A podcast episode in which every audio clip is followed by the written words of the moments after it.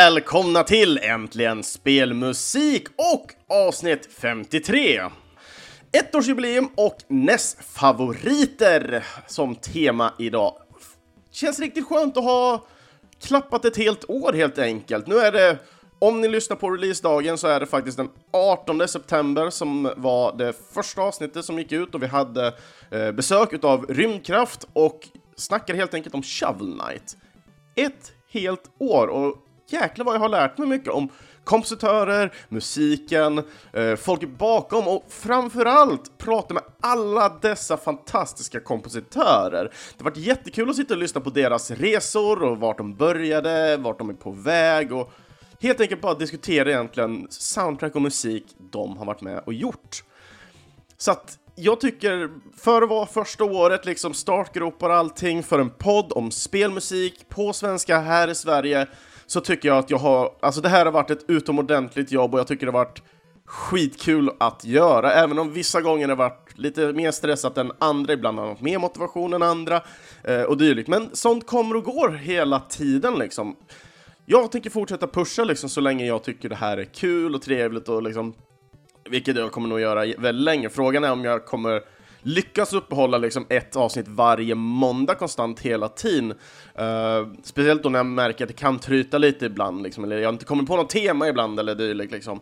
Uh, mycket av det har ju oftast med mitt intresse som ibland kan svaja i, från sida till sida. Ibland älskar jag sitta och spela liksom, och, och uppleva liksom, samarbetet, ibland älskar jag sitta och spela ensam och utforska pussel och allting. Uh, ibland älskar jag sitta och knepa och knåpa själv på grejer, jag vill skapa banor, jag vill jobba med min spelutveckling som jag håller på med på, på, på både jobb men också även lite på fritiden ibland.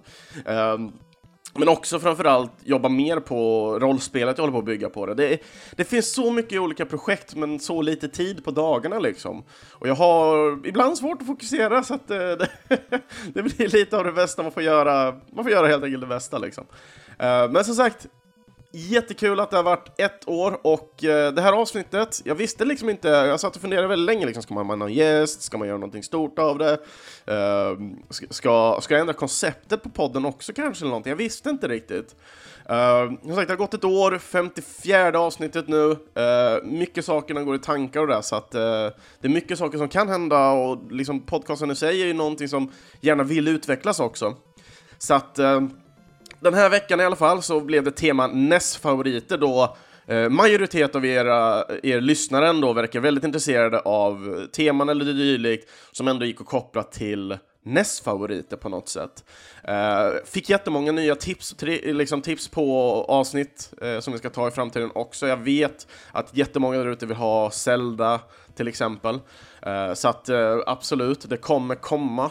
det gäller bara att rätt tid och rätt tidpunkt för mig själv och eventuellt ifall man tar med någon, eh, någon gäst till det avsnittet helt enkelt. Men som sagt, ett år och jubileum på det. Så varför ska vi inte ta och starta med Gimmick? Happy birthday!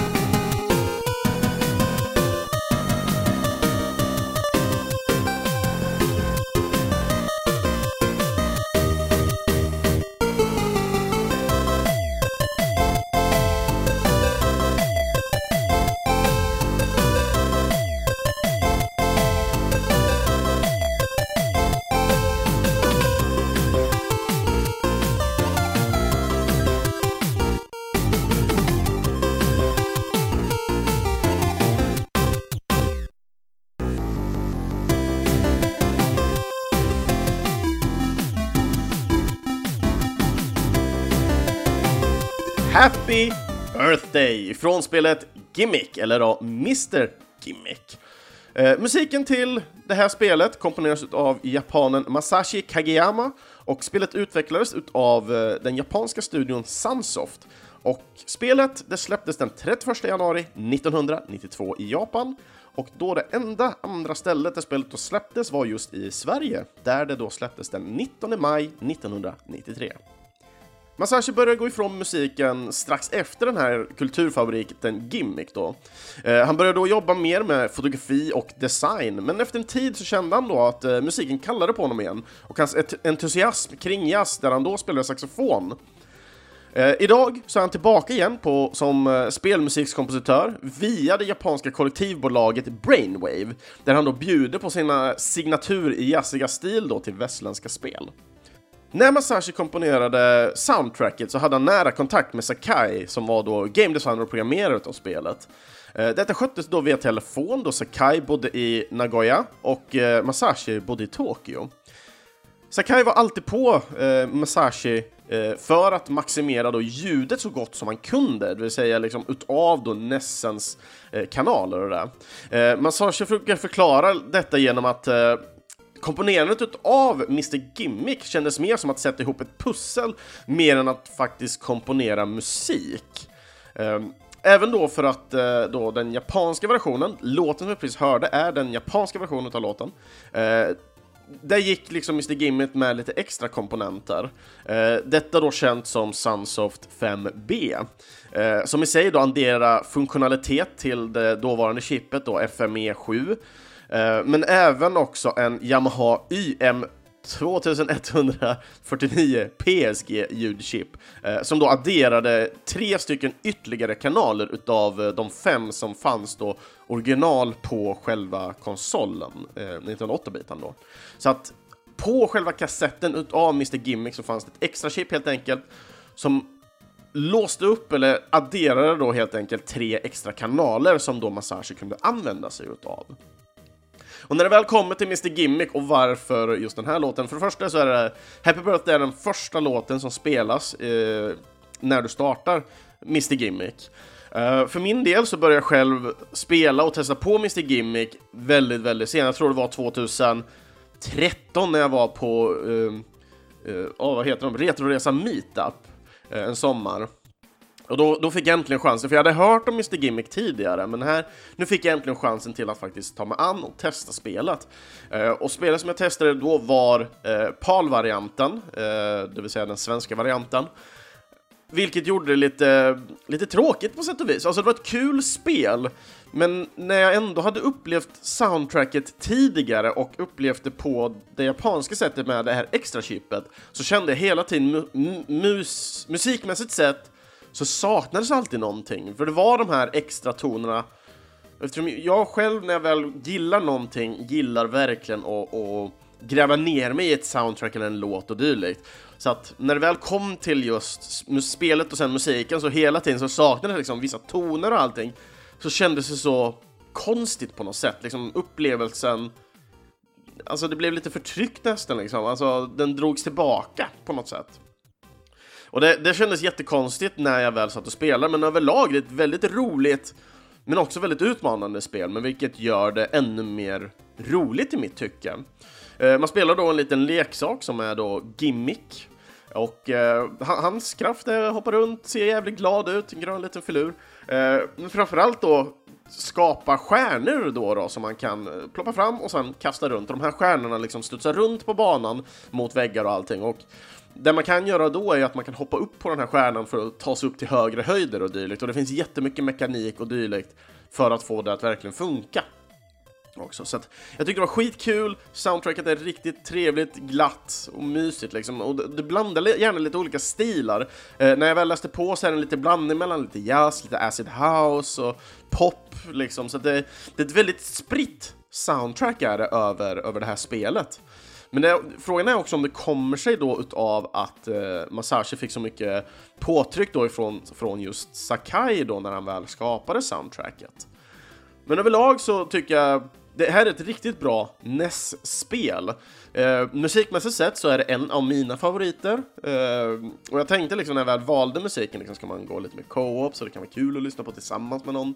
Eller ska jag bara gå? Och jag, jag känner liksom, nej, jag vill bara gå på riktigt jäkla bra Eh, musik liksom som jag, jag, vill bjuda på.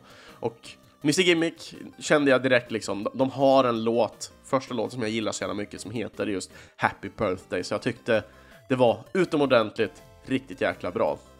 Kunna bjuda på det här först. Men som sagt, det här är ju inte ett avsnitt bara för mig utan också även för er lyssnare. Eh, så att ni har även, eh, ni lyssnare, kunnat önska låtar i vanlig sedvanlig anda, men eh, framförallt då så är det kul att få höra lite era favoriter, vad som eh, ni gillar för musik kanske från olika spel, eller ifall ni gillar eh, spelen. Så att första önskelåten den här veckan kommer ifrån Pyro. Och eh, han hade lite svårt att välja mellan två stycken låtar, låten Bicycle och Fight Theme. Men han kommenterar då att han gillade nog Bicycle bäst, så att eh, valet för mig blev då enkelt. Så här kommer då Mike Tysons Punch-Out, Bicycle Training.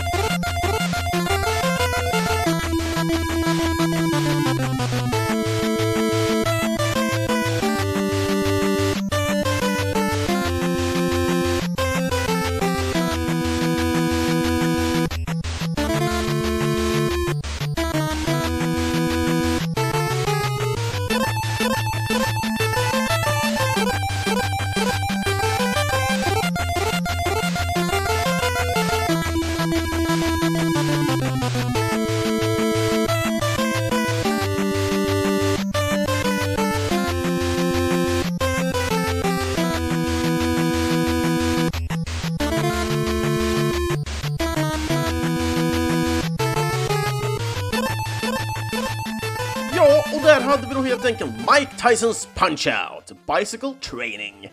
Spelet, ovanligt nog för just den här tiden skulle jag nog säga, hade tre stycken japanska kompositörer. Vi har Yukio Kaneoka, Akio Nakazuka och Kenji Yamamoto. Jäklar, de var faktiskt lätta att säga för en gångs skull. Ah, scheisse. Uh, spelet utvecklas hur som helst av den japanska studion Nintendo R&D 3, alltså Research and Development Division 3, och släpptes under 1987 världen över på NES. Uh, eh, och det, det, är just under året, lite olika datum uh, justeras emellan de olika där. Uh, och spelet har släppts på arkad, 3DS, Wii och Wii U. Uh, varav Wii, 3DS, Wii och Wii U var ju då Virtual Console. Eh, spelet har ju även fått olika typer av varianter, remakes och dylikt. Wii-varianten fick ju en Super Punch-Out, eh, eller eh, nog bara en Punch-Out, HD-remake eh, egentligen, uh, vilket jag tyckte var faktiskt jättekul. Jag har tyvärr bara spelat igenom första kuppen där. Uh, sen har ju även Super Nintendo tagit Super Punch-Out och dylikt. Men uh, det som är speciellt med just Mike Tysons Punch-Out är just att Mike Tyson, Tyson eller Mr Dream, är sista bossen här. Eh, I Wii-varianten till och med finns ju Donkey Kong som he hemlig slutboss, eh, om man är riktigt pro, vilket jag inte är. Eh, när det väl i alla fall kommer till de olika kompositörerna här så Yukio har vi inte så jättemycket information på vad han gör idag. Det senaste spelet han arbetade på musikmässigt sett var F-Zero till Super Nintendo. Han har dock varit supervisor till Super Smash Bros Brawl som släpptes 2008. Eh, men mest är han nog faktiskt känd för, för att varit eh, mentor till eh, allas kära Koji Kondo. när då han, när Koji Kondo då började på Nintendo, men mer om det kommer vi till senare faktiskt. Akito här annars komponerar mängder av olika låtar till Nintendos olika titlar. nya som, men Alltså nya som gamla. Eh, men likt Yukio så har, eh, ser det ut som han är någon typ av supervisor eh, den senaste tiden då han är blivit krediterad till Super Smash Bros till 3DSen som släpptes 2014.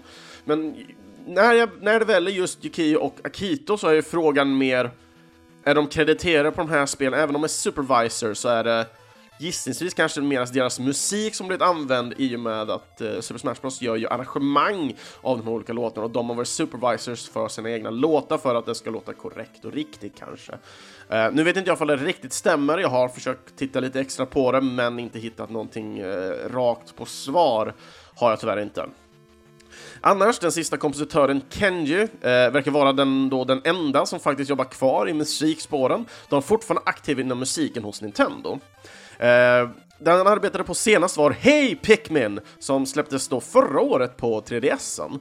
Uh, eh, men uh, främst är nog Kenny känd för sin musik till uh, Metroid-spelen skulle jag säga.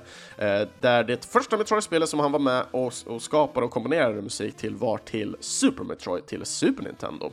Men annars när det väl kommer till Punch-Out så tycker jag ändå soundtracket är eh, helt okej okay i mitt tycke. Eh, de mest klassiska är ju just den här Bicycle Theme, Fight-themen liksom. Eh, jag har haft jätteroligt att titta på videos där typ, ja men när folk på en is i USA som börjar slåss på isen liksom, så börjar liksom fighting-låten köras på orgen liksom som, som ska peppa igång och jag, alltså det är sjukt komiskt tycker jag bara att lyssna på det. Hittar jag länken till den så ska jag absolut addera den så ni andra kan titta på den också. Eh, Bicycle Theme eh, blir jag ganska snabbt påmind om Brental Floss med eh, hans parodi då med Tyson Stole My Bike där han basically sjunger bara Bike Jason, nej Tyson stole my bike And he stole my bike That got me his bike Ja, typ så. Eh, men kom komedi helt enkelt. Eh, kanske inte den bästa typen av komedi och ganska ja, som sagt, man har hört den förr liksom med the, the N-word, stole my bike liksom som memes till det här liksom.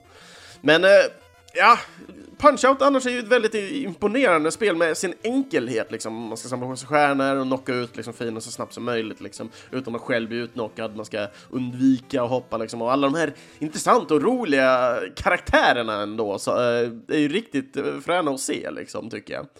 Så att eh, just när det kommer till liksom komedin och allting utav själva kanske stereotyper och allting så jag tycker bara liksom komedin i sig flyter fram så pass mycket att det, att det blir väldigt kul. Uh, så att, ja, jag, jag, jag gillar eh, uh, Punch-Out. Tyvärr har jag ju spelat extremt lite utav Punch-Out. Eh, jag har nog spelat mest då själva Wii-varianten och remaken. Uh, men till, till just NES så vet jag, jag har testat det, men jag har inga starka minnen till det Eh, direkt med att jag måste ha varit väldigt liten och det var antagligen väldigt svårt för mig. Det här är ju ett spel där man ska försöka få in i muskelminnet, lära sig timings framför allt. Nästa låt ut i alla fall blir väldigt, väldigt speciell. Vi kommer köra två låtar på rad här för att eh, helt otroligt nog så fick vi två önskelåtar ifrån samma spel. Så att eh, jag kommer ta en kommentar i början och sen då börja med en kommentar direkt efter vi har kört de här två låtarna som så fint följer upp varandra. Så att först ut har vi eh, från Facebook, Martin Andersson, eh, som eh, kommenterar så här. Ett bra, eh, ett bra flyttar co-op-spel, men så jäkla svårt. Spelade det med en kompis flera, flera gånger, men vi hörde mest den låten och Game Over Song för att vi dog hela tiden. Riktigt roligt ändå tyckte jag, då man kunde powera upp sig med olika typer av vapen, men även så bollar som flyger efter en och även skjuter, som man till exempel skjuter tre laserstrålar etc. Och låtarna vi kommer nu få höra är ifrån spelet Life Force och låtarna är Stage 1 och Stage 2.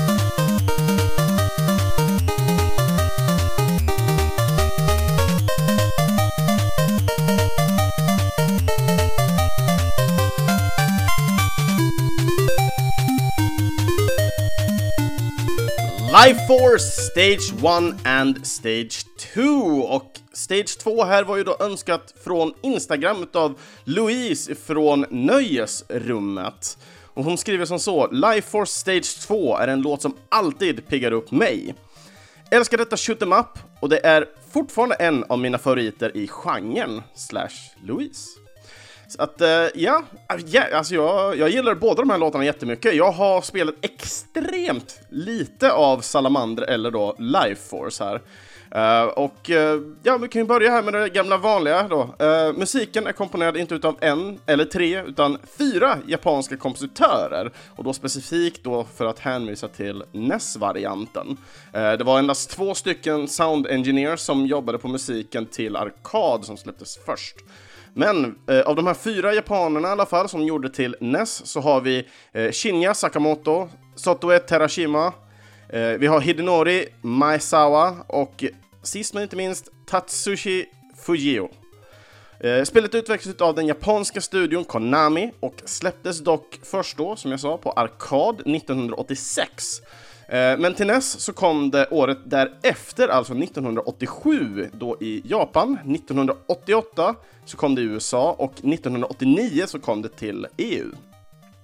Spelet heter ju dock, precis som jag nämnde, eh, lite olika. Eh, originaltiteln i Japan är Salamander, eh, men i USA och Europa så heter spelet Life Force kolon Salamander, så att de har lagt det som en undertitel mer...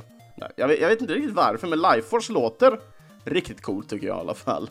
Uh, salamander är ju något uh, ormeskt eller salamandereskt uh, eh, på själva boxarten här. Uh, så att, men det, det, är spännande. Men hur som helst, för att återgå till själva spelet igen. I re-releasen som skedde i Japan så byttes dock namnet så att det blev uh, Life Force Salamander där också och på så sätt då blev enhetligt då världen över. Eh, spelet det är en spin-off på Gradius-serien och eh, Salamander fick även en, eh, en uppföljare då som har den fina titeln Salamander 2. Eh, när vi väl tittar på de här kompositörerna, de fyra stycken, så ingen av kompositörerna verkar vara aktiva idag inom just spelmusiken. Det senaste spelet som någon av dem jobbade på så var det Atsushi eh, som jobbade på musiken till Survival Kids eh, som kom 1999 eh, och det var ett Game Boy Color-spel. Jag kan inte mycket mer om det exakt för det eh, Eh, min snabba information på det verkar som det släpptes endast i USA och Japan, men oftast när man söker vidare så märker man att vissa spel släpps under andra titlar och dylikt sådär, så att eh, jag har inte jätteforskat i det tyvärr. Eh, annars när det gäller Shinya, Satoe och Hidenori så, eh, så jobbade de på spelmusik hos Konami under 80 och 90-talet. Eh, där eh, Shinya och Satoe höll sig framförallt då till eh, Nintendo 8-bitan främst. Eh, vi har Hidenori och Atsushi, eh, Atsushi eh, Atsushi, eh, arbetade då även på en del SNES-titlar eh, och inte bara då eh, NES framförallt. Eh, bara för att nämna några så var det just Contra 3, Alien Wars, eh, Sunset Riders och Axley för att nämna några helt enkelt. Uh, utöver det, alltså just Salamander, jag har inte spelat det jättemycket, men jag, jag har en viss förbläss ändå för just uh, shoot em ups. Jag tycker de är väldigt trevliga på sitt sätt, och jag älskar verkligen systemet där någonting mer händer åtminstone. Uh, spel där man inte utvecklar sig, utan det är bara liksom försöka lära sig mönstren på fienderna och allting jag finner mycket tråkigare med dem. Jag gillar liksom när saker förändras, framförallt hos spelaren. Eh, och framförallt då, då till exempel om det händer någonting med banan på något sätt. Eh, bossar tycker jag är jätteroliga liksom att möta, speciellt för att de har flera olika steg liksom.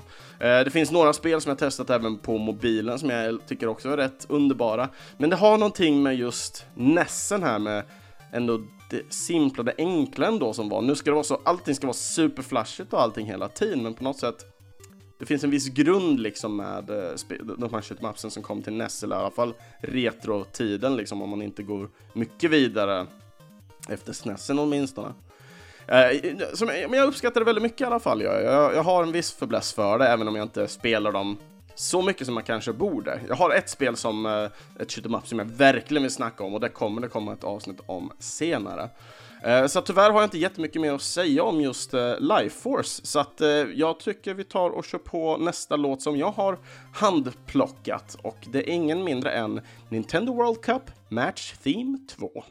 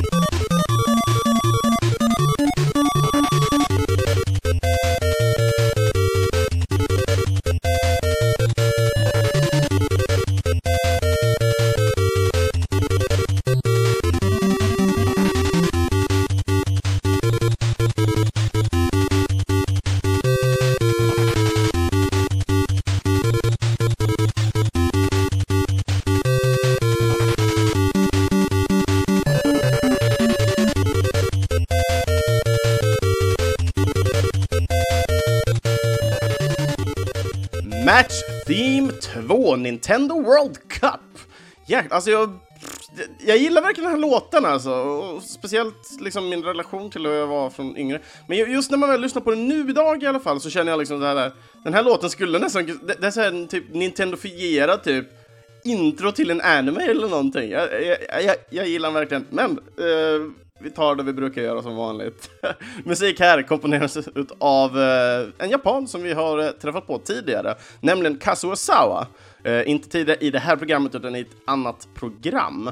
Eh, spelet utvecklades av den japanska studion Technos Japan Corporation och eh, släpptes först till NES den 18 maj 1990 i Japan. Och under 1990 och 1991 så släpptes även spelet då resten av världen.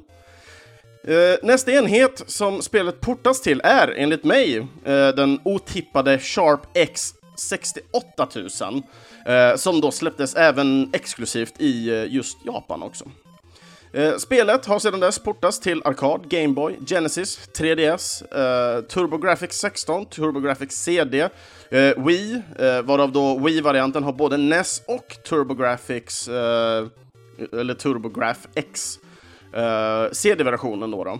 Uh, och sen då även Wii U som har den på Virtual Console. Uh, om Wii U fick även då dubbletten, eller det dubbla med NES och TurboGrafx CD-versionen, det vet jag faktiskt inte. Men lite skillnader finns det i alla fall mellan de olika varianterna, men överlag så är det samma spel. Uh, Nintendo World Cup är ju då känt som ett spel i uh, Kunio-kun-serien. Uh, spelet heter officiellt i Japan, och, nu ska vi se här, Neketsu High School Dodgeball Club Soccer. Och det är ju då det engelska namnet på den japanska. Jag tänker inte försöka mig på det helt japanska namnet, för det, ni vet hur det går när jag bara slaktar eh, namn normalt sett. Så att, eh, men just eh, eh, Nintendo World Cup då, då eh, är det fjärde då spelet i Kunio-kun-serien. Eh, tidigare så var det just Dodgeball, vi hade beat'em ups och sånt. Eh, eh City, River City Rampage, eller vad de hette. Jag kommer inte ihåg alla och jag är jättedålig just på den serien måste jag säga, men det är någonting med liksom hur spelet är som på något sätt verkligen driver tillbaka de här nostalgiska känslorna för mig. Eh, framförallt då, eh, jag hade ingen nära vän som ägde just det här eh, Nintendo World Cup-spelet, utan det var en kompis i skolan som jag besökte någon dag och jag vet att vi satt och spelade det här. Eh, och absolut min favorit var verkligen när man gjorde det här supermovet där man gjorde då bicicleten och bara sköt bollen hur jävla hårt som helst.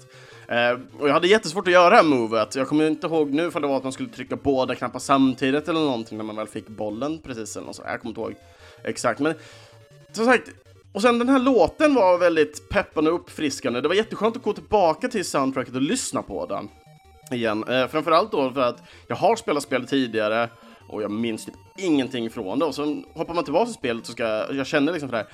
Här kommer vi in till liksom lite av en röda tråden liksom i ett bra spel. Det här är ett jättebra spel man kan spela liksom tillsammans eller mot no med någon. Eller mot någon. Eh, så så jag älskar verkligen det här spelet för det i sin simplicitet är så fruktansvärt enkelt och trevligt och väldigt kul spel. Så att, eh, och sen kan man väl spela single player med någon slags turnering och sådana saker också i det här spelet.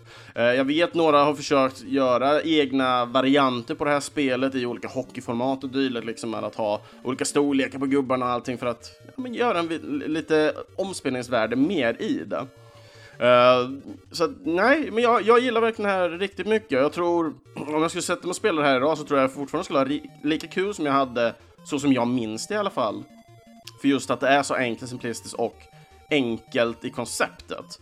Annars liksom när man väl tittar på något liknande spel, jag är ju inte så, sån person som spelar väldigt mycket sportspel tyvärr.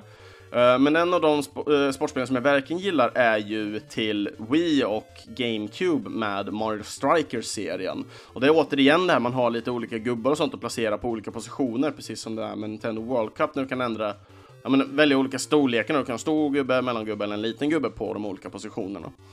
Väldigt trevligt som sagt, eh, och jag uppskattar det jättemycket själv. Eh, jag har spelat väldigt mycket den här Dodgeball-varianten har jag, och den tycker jag också är riktigt kul när man är på vardera sida. Eh, får ta emot bollar i olika superkast och passningar och gud vet allt liksom som kan göra. Och, och det, även den Dodgeball-varianten kommer i väldigt många olika koncept. det finns några, eller teman ska jag ju säga, för du har med Kunde-Kun-serien Dodgeballen. Eh, du har Gundam-serie och jag tror det ska finnas någonting mer. Så att jag menar, det finns många som har tagit det här konceptet ändå och gjort någonting mer och nytt och så vidare. Jättekul som sagt. Jag har tyvärr bara spelat uh, Dodgeball-spelet på uh, emulator, för jag vill minnas att de spelen är exklusiva i Japan. Kan minnas fel och jag hoppas att jag gör det, för att de är väldigt roliga. Är de. Men nästa låt ut är återigen en önskelåt. Och den önskelåten kommer ifrån Instagram och Manual Martin eh, som ropar med glädjerop då på Super Mario Bros. 3 och låten som han har önskat är Enemy Battle.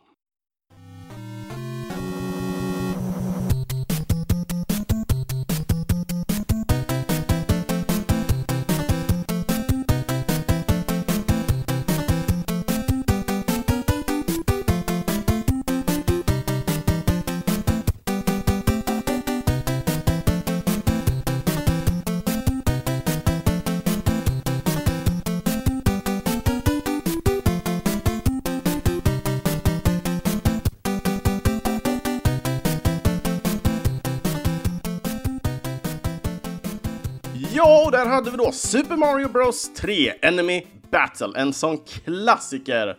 Eh, musik här komponerat av då den japanska Koji Kondo. Det var här han dök upp igen då helt enkelt. Eh, och det är svårt nästan att räkna något spel i Super Mario-serien också som Koji Kondo inte har gjort så att det är väldigt fascinerande det här. Spelet utvecklas av den japanska studion Nintendo och inte Research and Development 3 den här gången, utan Research and Development Division 2. Eh, och spelet släpptes först på NES i Japan den 23 oktober 1988. Så jag är faktiskt äldre än det här spelet, tro det eller ej. Jag föddes den 2 januari 1988. USA fick spelet två år senare, den 12 februari 1990, eh, och EU fick den den 29 augusti 1991. Eh, spelet har eh, sedan även släppts på Arcade, eh, då genom Nintendo Playchoice 10 som jag pratat om i tidigare program som släpptes i USA. Eh, men också i, i återsläpp på e-shoppen då för 3DS, Wii och Wii U. Eh, och jag vet jag själv köpte det på Wii U för just Super Mario Bros 3 är ett av mina favoritspel till Nessen. Eh, och jag håller det extremt starkt gör jag. Eh, annars, första spelet som Koji Kondo arbetade på var Punch-Out, eh, arkadversionen för att vara specifikt. Eh, och efter det så hoppade Koji Kondo officiellt med eh, Nintendo då, 1984. Och efter eh, mentorskapet av Yukio Kaneoka, så, som lärde honom då grunder i eh, ljudprogrammering, eh, för några av spelen, eh, så blev eh, Miyamoto så väldigt imponerad av Koji Kondos arbete till spelet Devil's World. Eh, något som då gjorde att Miyamoto tog helt enkelt Kon eh, Konji till eh, Research and Development Division 4 istället, där han då kanske har gjort sitt livs bästa arbete när han då skapade de ikoniska eh, score-låtarna till både Super Mario och Zelda-serien. Uh, ja, det var typ informationen som jag hade. Och sen, som sagt, vi kommer prata om Koji Kondo miljoners, miljoners gånger känns det som. Så att vi kommer komma på mer och mer information om honom och mer kött på benen eh, kring Koji Kondo med tiden. Men i alla fall återigen tillbaka till just Super Mario Bros. Jag minns så många, jag, alltså jag har, det här spelet har jag spelat klart så jäkla många gånger. Jag vet, jag spelade så många gånger att till slut så fick jag även då det här Nintendo-magasinet. De hade ju en guide till Mario Bros 3 där man kunde få reda på liksom alla memory, du kunde få reda på alla hemligheter och allting. Och till exempel en av hemligheterna är att det finns ett ankare eh, att få på en av banorna i den första världen. Eh, nu, nu, är det ju den här, det är ju två eh, hus, svamp, eller två, två banor som blockerar ett svamphus på första banan uppe till höger. Den nedre av dem, eh, tar man alla mynt på den banan, vilket är svårt, men lyckas man ta alla så, så kommer det fram ett, en spöksvamp. väldigt, lite gråaktig svamp helt enkelt. Och i den så kan man få eh, ankaret. Eh, ankaret används egentligen, det är egentligen typ det mest värdelösa itemet i hela spelet egentligen. Eh, men det är att om man har spelat eh, bossen, eh, det vill säga då det här flygskeppet som man eh, hoppar på i slutet av varje bana. Så om man misslyckas med den så åker det här skeppet iväg. Använder man ankaret så sitter det fast alltid på plats. Eh, så att det, man behöver inte springa runt banan en jäkla massa eh, beroende på vad man har gjort och inte gjort. Eh, men, men som sagt, det, det uppskattas väldigt mycket liksom med, med att göra den. Det var mycket sådana här saker som jag kände föll mer på plats och det var jätteroligt att utforska det på nytt på något sätt. Eh, och det tråkigaste av allting tycker jag är eh, att min favoritvärld går det inte att åka visselpipa till eller flöjt som det så fint heter. Eh, för i det här spelet så kan man ju självklart hitta flöjter vilket gör att man kan hoppa mellan de olika världarna eh, och framförallt då så hoppar man från första då så är det första pipen man använder så är det 1 till 3 använder man igen så är det 4 till 6 eh, eller om det är 4 till 7 jag kommer inte ihåg exakt nu bara för det. Eh, men för, för jag minns att åttonde världen är den sista med Bowser och det är den man kan ta för man använder två stycken eh, flöjter i rad helt enkelt, vilket man kan göra redan i första världen. Så att det, det underlättar väldigt mycket. Eller om det var andra världen, jag kommer inte ihåg nu. Äh, detaljer, det, det, är saker som flyter ihop. Jag har inte spelat eh, Mario Bros 3 på väldigt länge nu i alla fall. Men hur som helst, en av mina favoritbanor i alla fall, eller världar i Mario Bros, är den här världen när allting är typ 3, 4, 5, 6 gånger så stort kanske. Det är så enormt kul att se liksom, speciellt när du fortfarande hoppar på de här gigantiska goombasen och allting. Så fort du hoppar på dem så blir de liksom förkrympta till den här lilla och sen flyger iväg, precis som man hoppat på en normal goomba eller någonting. Och jag älskar verkligen charmen och stilen som det är i det här spelet med det. Inte bara just det stora, men också alla saker omkring, till exempel här är första gången Mario får power-upen av att kunna bli en groda, som enligt mig är en av de sämsta power-upsen ever, även om jag har en viss fäbless för uh, att, att, köra liksom vattenvärn. Jag gillar den på något sätt, även om många andra ogillar den. Jag, jag vet inte, jag kanske gillar att vara självdestruktiv uh, inom spel, kanske man kan säga. Jag vet inte. Jag, jag, jag, uppskattar lite det alla ogillar ungefär. Jag, jag, jag, gillar att ge lite hopp till saker som kanske är lite sämre. Bara för att all, allting ändå har sin typ av charm. Uh, om det låter vettigt, jag vet inte. ja. Ja, jag älskar verkligen det här spelet, som sagt. Sen isvärlden, när man kan springa runt, man kan bli den här eh, statyn när man har Tanuki-dräkten. Uh, så det är så mycket grejer som kom till här från första Mario Bros. Det var basically ingenting. Du hade ju en eldkraft, det var väl det coolaste. Uh, Mario Bros 2 som egentligen inte var, det var ju bara tematiskt Mario Bros 2. Det var ju liksom, man kan spela Peach, Toad och allt möjligt. Uh, och sen liksom kom Mario Bros 3 som var liksom en, en riktig fullskalig Mario Bros-spel, liksom med Mario Bros i tanken. Uh, så att jag, nej, men jag gillar som fan gjorde det. Verkligen. Verkligen.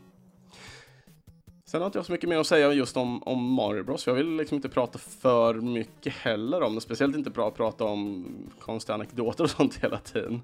Så att nästa låt ut är en önskelåt. och Önskelåten här kommer från El Kebabo.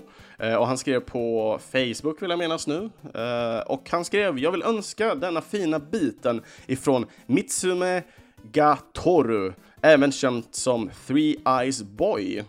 Eh, ett, en riktigt kul plattformare alla Megademan. Jag antar att det ska stå Megaman, men han adderar lite extra text här, vilket är nice. Fortfarande roligt. uh, och det är bra musik, uh, det har det ju också. Uh, vill tacka för detta första året, som jag hoppas är det första av många. Det hoppas jag med, Kebabo. Uh, det har varit riktigt kul att höra alla olika kompositörer prata om sin musik och att uh, få höra musik från spel man aldrig har spelat förut. Keep it up! Tack så jättemycket Kebabo, det här värmer verkligen. Uh, så att nästa låt ut helt enkelt som Kebabo har önskat är då från, från spelet Mitsume Ga, eh, uh, Ga Toru och låten är Introduction.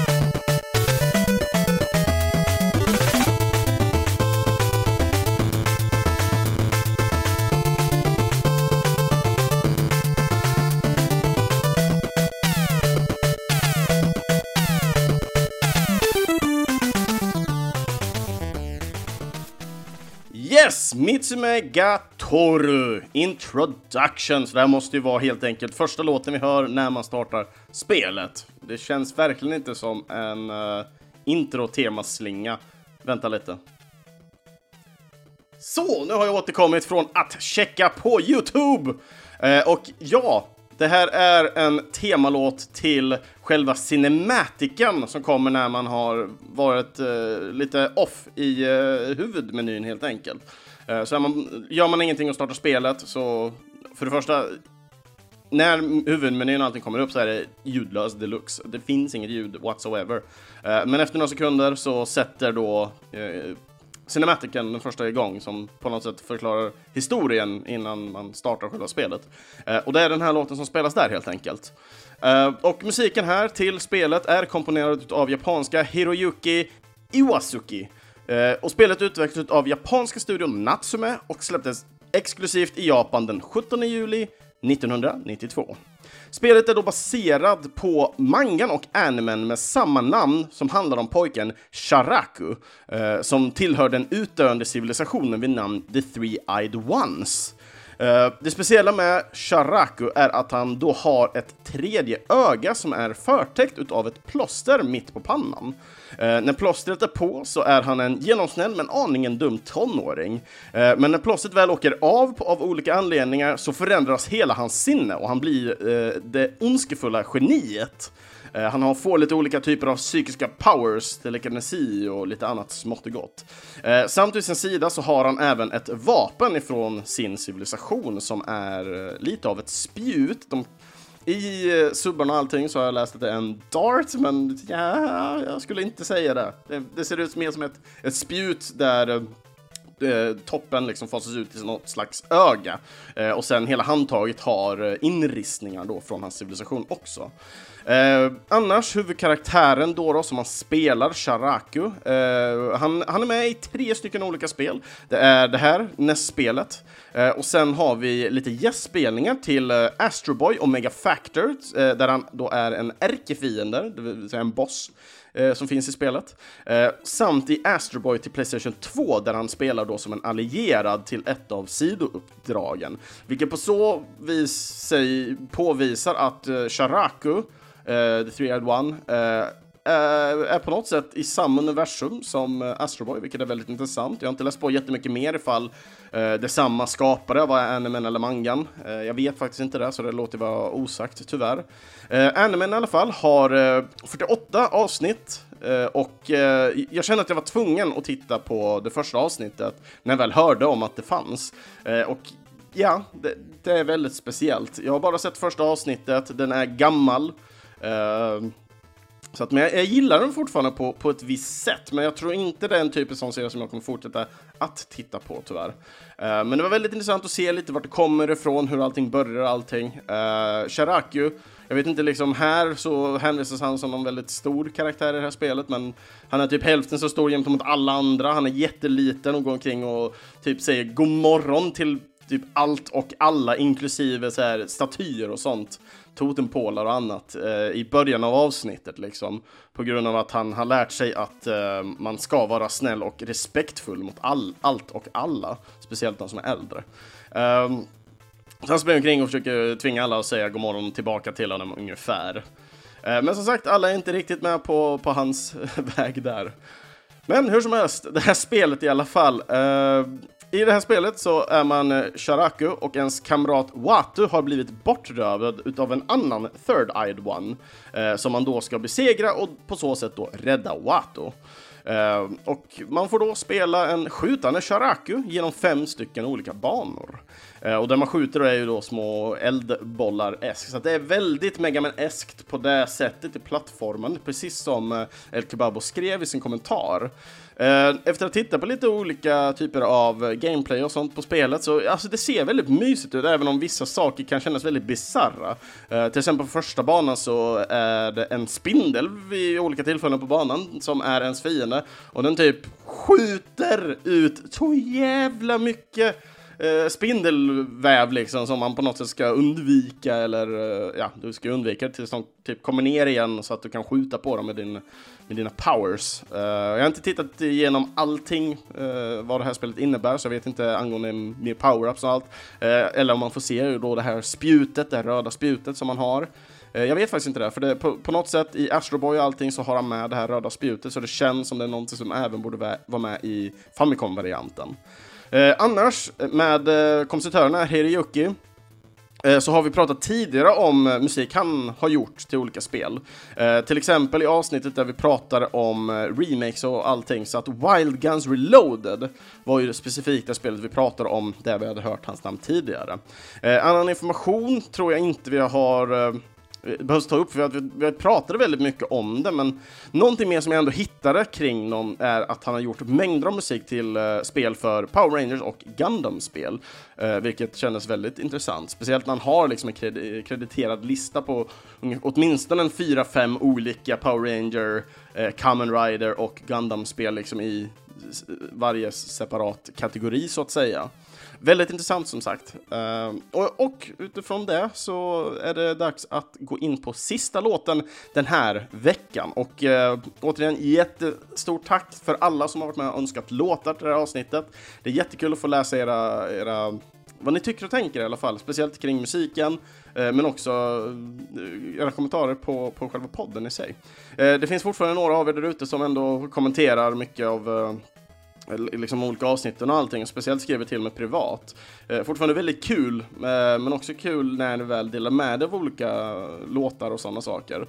Eh, vi börjar få igång mer på, på discorden och, och, och dylikt helt enkelt, så jag tycker det är jättekul och det, det ska bli ännu roligare att få bygga upp en liten community som, som alla vi kan dela tillsammans och ha jävligt trevligt och jag kan känna mig ännu mer inspirerad så att säga. Men som sagt, sista låten ut i alla fall och som jag kommer prata om så fort låten är klar. Men jag hoppas inte den tar slut allt för fort. För fortfarande en riktigt bra låt. Så att eh, här kommer Shadow of the Ninja Boss Battle.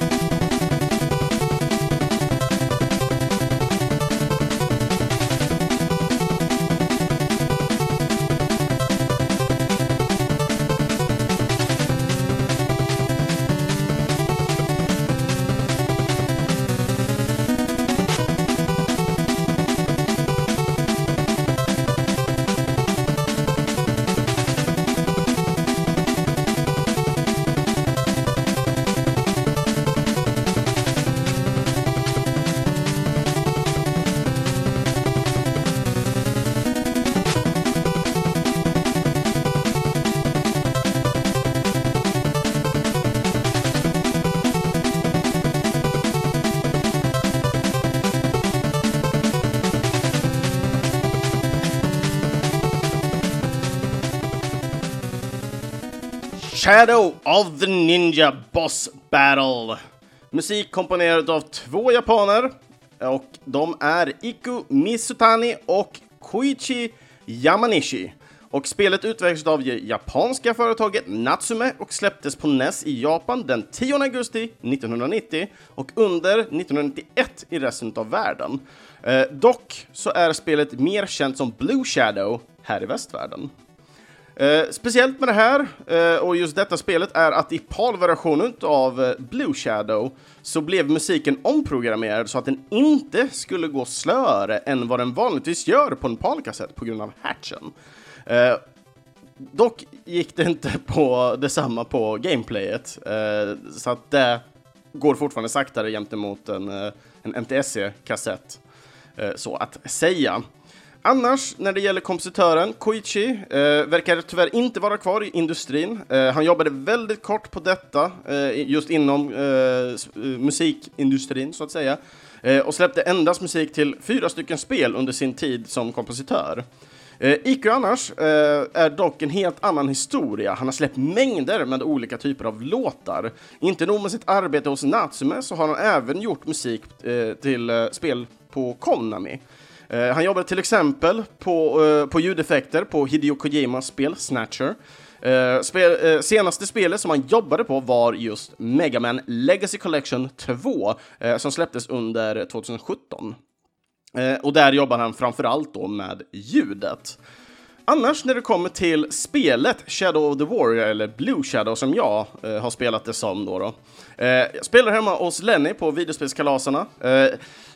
Alltså, det, jag älskar verkligen just det här spelet, även om det är pissigt jävla svårt. Uh, jag vet inte exakt hur långt jag har kommit, för det är typ två banor, om ens det. Uh, men jag gillar verkligen konceptet. För det första är det ett Ninja Gaiden-eskt spel. Men det som jag gillar framförallt med är att man kan spela två stycken på det. Så man kan både liksom gå omkring och hack and slasha tillsammans helt enkelt.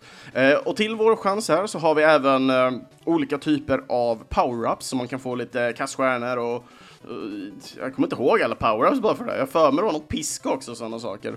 Uh, något annat som är speciellt är att man kan hoppa och ta tag i olika plattformar och allting så att liksom har lite mer levelation på så vis att du kan hoppa, springa upp och ner på, på, på banorna och jag tror mycket av det är anpassat för att det ska vara två stycken spelare som kanske är det mest optimala sättet att spela spelet på.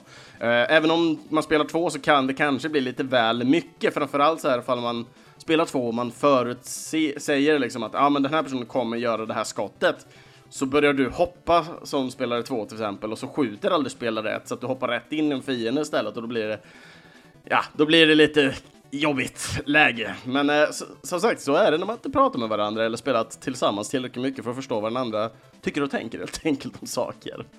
Men alltså jag älskar verkligen musiken till det här, återigen lite fast, nice, uh, ninja-esk musik och jag tycker det skiner rätt igenom soundtracket. Det har lite olika stilar men fortfarande ett väldigt snabbt härligt soundtrack och jag tycker mycket av det speglar av liksom på, på hur spelet faktiskt spelas och är, precis som ett Ninja Gaiden-spel helt enkelt.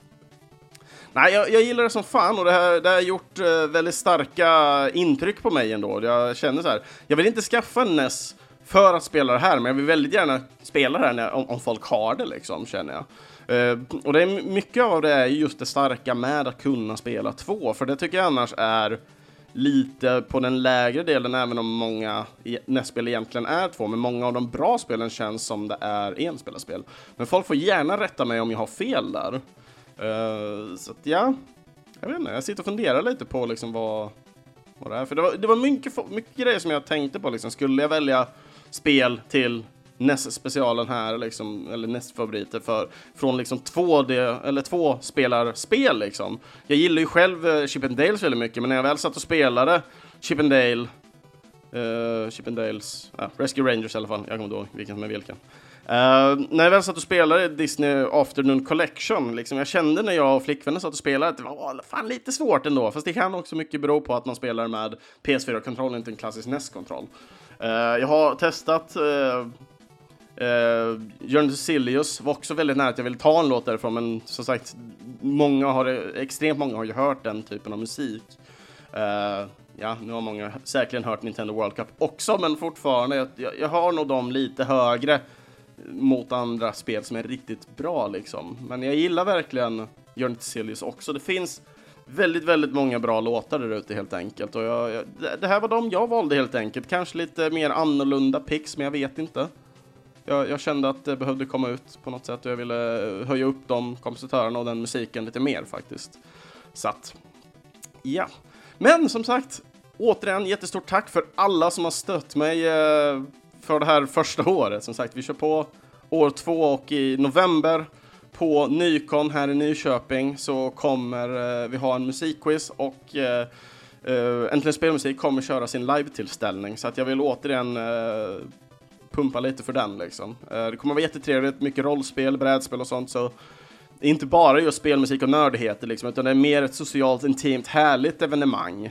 Så att uh, vill ni komma och spela lite brädspel och sånt med mig, liksom. jag, kan, jag kanske inte kan spela med alla som kommer, men köta i alla fall. Ha det jävligt trevligt, så, så kom absolut till Nykom, skulle jag säga. Och med det sagt, uh, ja, jag, jag, vet inte, jag vill inte dra igång den gamla harangen än. Jag vill bara, jag blir så rörd liksom av alla som har kommenterat och, och uppskattat ändå spelmusiken och kompositörerna och allting och speciellt alla kompositörer som har hjälpt till att ställa upp och hitta tid och, och ork liksom för att, för att prata om sina soundtrack och det. Jag, jag, det har varit jätteuppskattat från min sida och jag hoppas att kompositörer som kanske lyssnar nu också känner att det har varit uppskattat att få vara med. Uh, ja, jag, jag, jag ser fram emot framtiden. Uh, fråga, jag har mycket tankar kring om man kanske ska gå in och göra podcasten till en engelsktalande podcast på grund av att eh, jag vill få in fler kompositörer. Jag menar, Sverige är ju eh, limiterat på antalet kompositörer som finns. Um, Visst, det finns svenska kompositörer utomlands också, men som sagt, på något sätt och sen kanske jag ska ha en svensk podcast men ändå kunna ha engelska gäster. Jag vet faktiskt inte. Eh, ni får gärna jättegärna kommentera vad ni, hade ni lyssnat på en, på en uh, engelsk podcast som pratar om spelmusik som kan, jag kanske inte kan leverera upp till högsta som jag kan göra på svenska, men fortfarande, jag kommer lära mig och det kommer vara en lärningskurva in liksom i det, men det kommer öppna upp så mycket mer för mig och kanske för er lyssnare också. Eh, framförallt att få höra från andra kompositörer, kanske till och med lyckas ta med japanska kompositörer eh, en vacker dag. Jag vet inte, vi får se helt enkelt. Uh, jättegärna höra mer kommentarer på er uh, på, på podden helt enkelt och vad ni tyckte och tänkte och vad ni, hur ni kanske se, vill se Äntligen Spelmusik utvecklas för eran del. Uh, just nu har jag ju mest kört det här på, min, på mitt sätt, på mitt vis, liksom hur jag vill göra podden. Jag, jag är jätte, jätteintresserad av att höra vad ni tycker också ändå. Så får vi se ifall jag kanske förändrar eller inte. Det är som sagt, vad som passar mig kommer ju hamna alltid först egentligen, men jag, jag är jätteintresserad av vad ni tycker är intressant också, för det, det blir väldigt inspirerande eh, för min del, för jag, jag, jag har blivit allt mer inspirerad eh, av spelmusik och jag, jag gillar verkligen vad jag har hört. Eh, det har varit jättekul att snacka med kompositörer. Det har varit väldigt intressant att se hur företag har hängt ihop, hur vissa kompositörer hoppat mellan olika typer av företag och allting och framförallt lära känna alla de här kompositörerna som har gästat podcasten. Det har varit riktigt kul och det har varit väldigt schysst nätverkande för min del. Så att eh, på, på något sätt att få ut den här podcasten har varit lite en win-win liksom. Jag har fått ut någonting som förhoppningsvis ni som lyssnar uppskattar väldigt mycket, men också gör jag någonting som jag själv uppskattar väldigt mycket också. Vilket jag tycker är jättekul. Och med det, nu har jag pratat av mitt hjärta lite i alla fall, så att eh, det minsta jag kanske kan begära är en liten, liten kommentar av vad ni har tyckt och tänkt om eh, podcasten det här året i alla fall. 53 avsnitt och eh, jag hoppas verkligen att det kommer komma minst 53 till i alla fall med mängder av olika. Jag har två till kompositörer uppe på listan som kommer komma. Så att eh, vänta bara på det här ni för, som verkligen uppskattar kommentar, eh, kompositöravsnitten helt enkelt. Andra avsnitt i alla fall från Äntligen Spelmusik, ja de hittar ni på videospelsklubben.se eller i era närmsta podcast-app. Ni får gärna följa Äntligen Spelmusik på sociala medier såsom Facebook eller Instagram. Bara att följa där kommer hjälpa mig jättemycket. Bara för att folk likar så kommer det upp att ja, men ni likar och allting. Så ni behöver inte ens säga till folk liksom, gå in och lyssna på den här, utan gå in och bara likea och uppskatta. Och vill ni nå mig, Kristoffer, skriv då i kommentarsfältet på antingen videospelsklubben.se, Instagram, Facebook jag finns ju även på Discord där, så varför inte joina in där? Vi fortsätter dela lite musik och som sagt, det börjar komma igång lite så att uh, jag måste bara bli bättre på att faktiskt titta in där lite mer mot vad jag gör. Jag är väldigt selektivt de tillfällen som jag väl tar mig in och tittar, tyvärr. Men jag, jag, jag lovar här och nu, jag ska bli bättre på det. Eh, kanske till och med ta med lite så här bubblar och sånt från, eh, från programmen som jag vill eh, lyfta fram också. För som sagt, det finns sjukt mycket spelmusik där ute och vi, det är omöjligt att sitta och lyssna på allt hela tiden. Det finns så mycket musik. Eh, annars, jag är jätteintresserad av att höra vilka era favoritlåtar till Nessen är av antingen musikmässiga skäl eller spelmässiga skäl. Det skulle vara jättekul att, att höra era tankar som, för er som inte hann eller var jätteintresserad av att få med en låt till avsnittet. Men jag är fortfarande jätteintresserad av att höra eran favoritlåt, i alla fall till, till 8-bitan. Dela annars med er av er favorit då i kommentarerna till avsnittet, så delar vi helt enkelt där med varandra. Och information eh, om kompositörer och allting, jag tror inte det kommer finnas så jättemycket som har samlade verk och allting, så det kommer tyvärr bli ett ganska länklöst avsnitt. Men eh, annars, om jag hittar någonting, så kommer de finnas i videospelsklubben.ses inlägg.